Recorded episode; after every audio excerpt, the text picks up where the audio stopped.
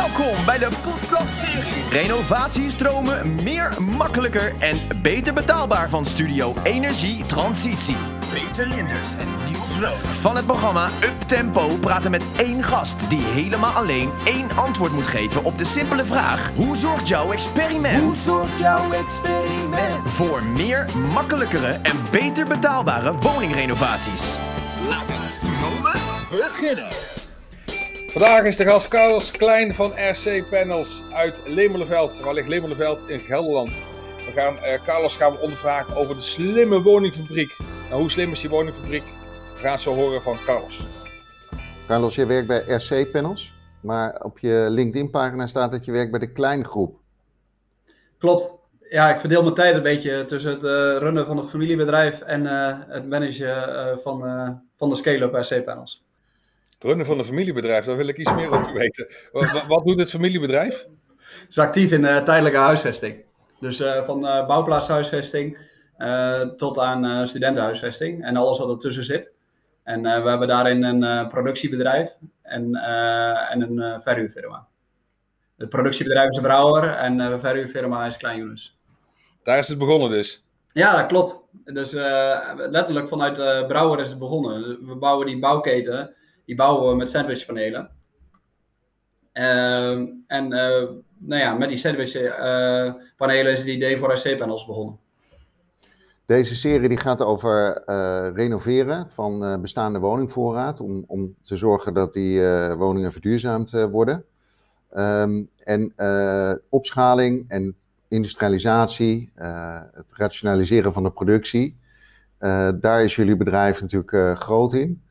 Ehm, maar hoe kun je, eh, wat heb je daarin geprobeerd? Wat was jouw experiment om eh, te zorgen dat dat beter lukt? Wat was jouw experiment? Ik eh, ben bijna geneigd om de wedervraag te beantwoorden van wat hebben we niet geprobeerd. Eh, du- dus ik denk dat we ongeveer aan alle grote initiatieven in Nederland eh, meegedaan hebben of, of doen. Ehm, de, dus eh, we zijn onderdeel toeleverancier geweest van stroomverstellingspartijen. Eh, van de stroomverstellingsdeal wel te verstaan.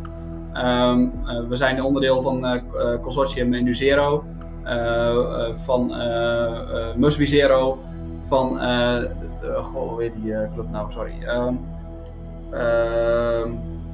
nou, nou ja, dus de fabriek van de toekomst, de consortium met Factory Zero en eh Dijkstra Drijsma. En we hebben ook op heel veel verschillende manieren met woningbouwcoöperaties samengewerkt. Ehm, dus eh, denk daarbij aan in, eh, dat wij in het bestek stonden, dus echt nog old school. Eh, dat we in bouwteam samenwerking gedaan hebben. Dus dat de woningbouwcoöperatie in eerste instantie bij ons kwam en dat we samen een, een bouwer erbij gezocht hebben. En we hebben natuurlijk ook heel veel op de oude manier gewerkt. Dat wij gewoon de toeleverancier van de bouwer waren. Welk experiment vond je nou het meest spannend? Ehm, nou, ik denk wel die eh, eh, bouwteam eh, setting. Dus dat je samen met een woningbouwcoöperatie op zoek gaat naar een bouwer. En hoe reageren dan die bouwers daarop? Omdat je in een hele andere setting samen gaat werken. In utiliteitsbouw is het heel gebruikelijk. Ehm, maar in, in, de, nou ja, in de woningbouw en woningrenovatie is het heel ongebruikelijk. Ehm, maar ik was blij verrast. eh, en daarin zie je zeg maar, dat de bouwers veel verder in hun denken zijn dan dat ze altijd geframed worden. Dus de willen is er wel. Alleen, eh, ja, hun hebben ook hun belangen. Ja. Als je kijkt met die samenwerkingen, hoe lastig zijn die samenwerkingen? Ehm, ja, je- goed, je, hebt nog, je zit in heel veel samenwerkingen. Hoe lastig zijn ze en wat he- hebben ze jou gebracht? Wat heb jij geleerd?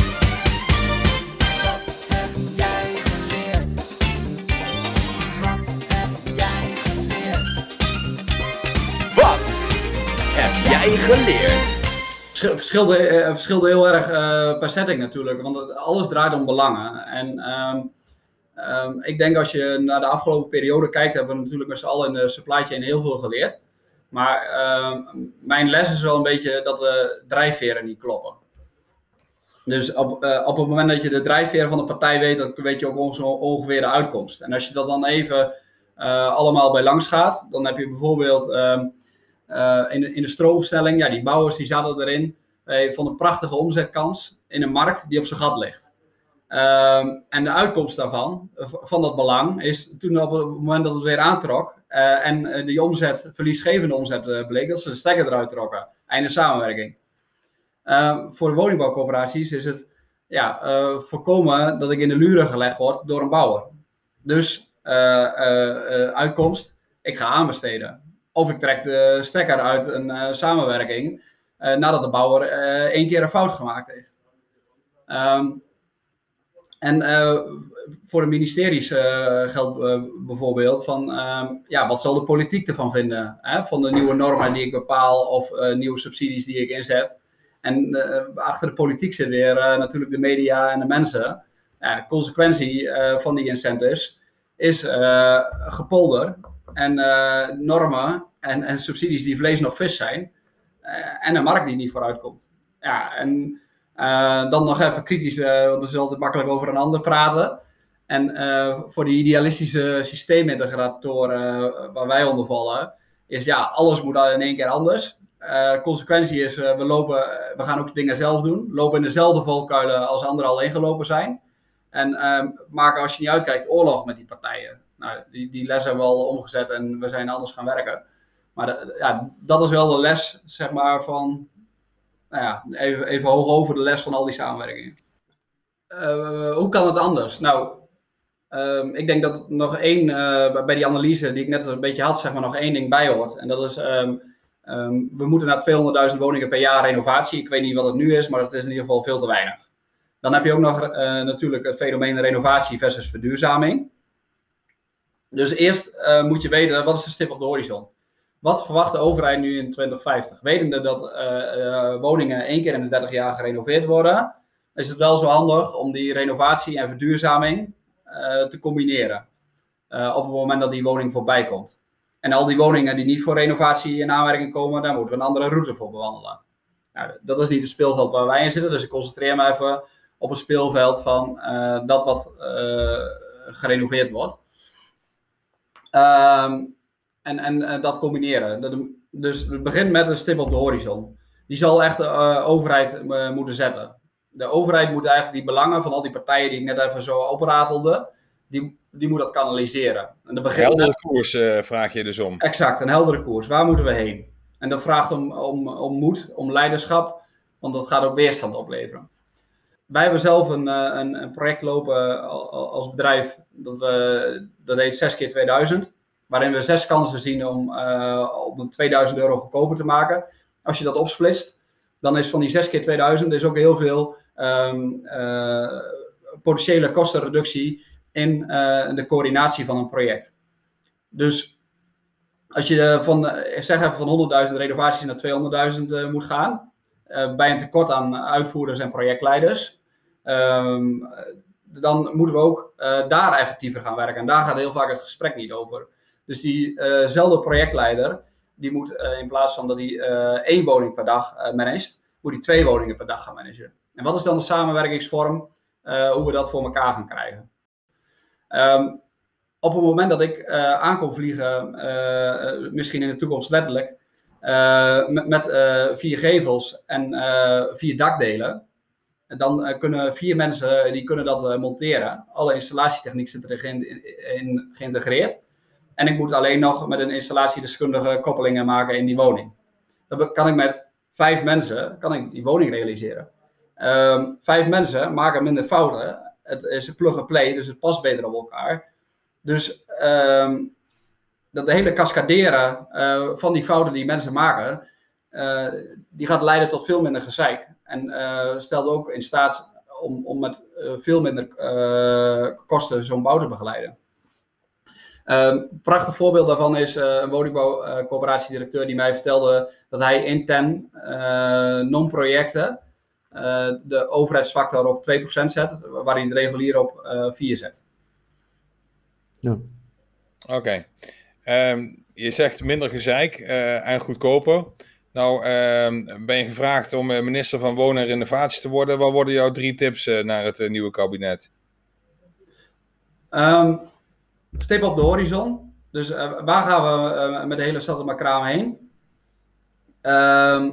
Uh, dus de, de, En het tweede is, um,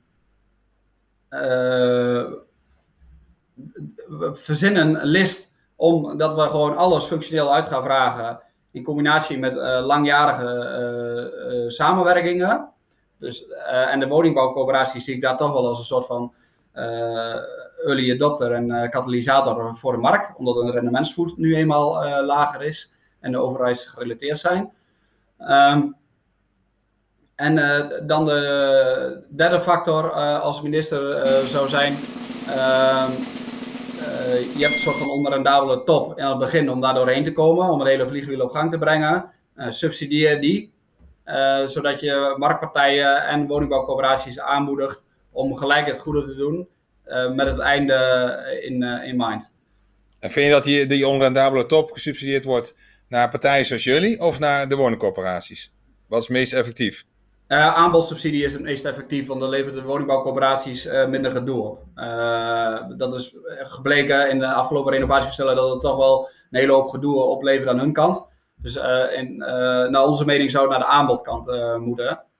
Dus de kop is eraf, hè? Ja. We kunnen volgens mij naar een afronding toe, inderdaad. Ja. heb je nog een tip voor ons? Wat vond je van deze podcast? Um, ja, hartstikke leuk. Uh, uh, kijken hoe we, hoe we heel veel uh, bereik krijgen natuurlijk. Zodat dit een gezamenlijk verhaal wordt. Want wij vinden onszelf natuurlijk als system integrator, dat, dat klinkt al ingewikkeld. En we vinden onszelf natuurlijk heel erg belangrijk. Maar blijkt de afgelopen jaren is wel gebleken dat we niet alleen kunnen. Dus we moeten samen doen. Dus al die partijen die moeten een plek krijgen. en die moeten elkaar leren begrijpen. Uh, en de overheid die moet heel goed meeluisteren en dan uh, zorgen dat uh, al die aapjes in de juiste richting laten rennen. Carlos, de laatste vraag. wil je nog ergens op terugkomen? nee, mensen maken fouten. Dus als ik een fout gemaakt heb, dan zei dat zo. nou, Niels, dat was de eerste podcast. Hè? Dus ja, Carlos, dankjewel om als, als eerste gast in deze podcast-serie te komen. Nou, we gaan misschien nog een keertje bij je terugkomen. Uh, dankjewel. Uh, nou, de volgende keer weer uh, de podcast van Take Urban Energy. En ehm, ik zou zeggen, abonneer op deze podcast en zorg dat je hem blijft volgen. de eerstvolgende, je merkt het vanzelf wel. Of niet, Niels? Zeker. Dank voor het okay. luisteren en graag tot de volgende keer. Carlos, dankjewel. Graag gedaan. Tot ziens. Bye. Deze podcast is mogelijk gemaakt door TKI Urban Energy.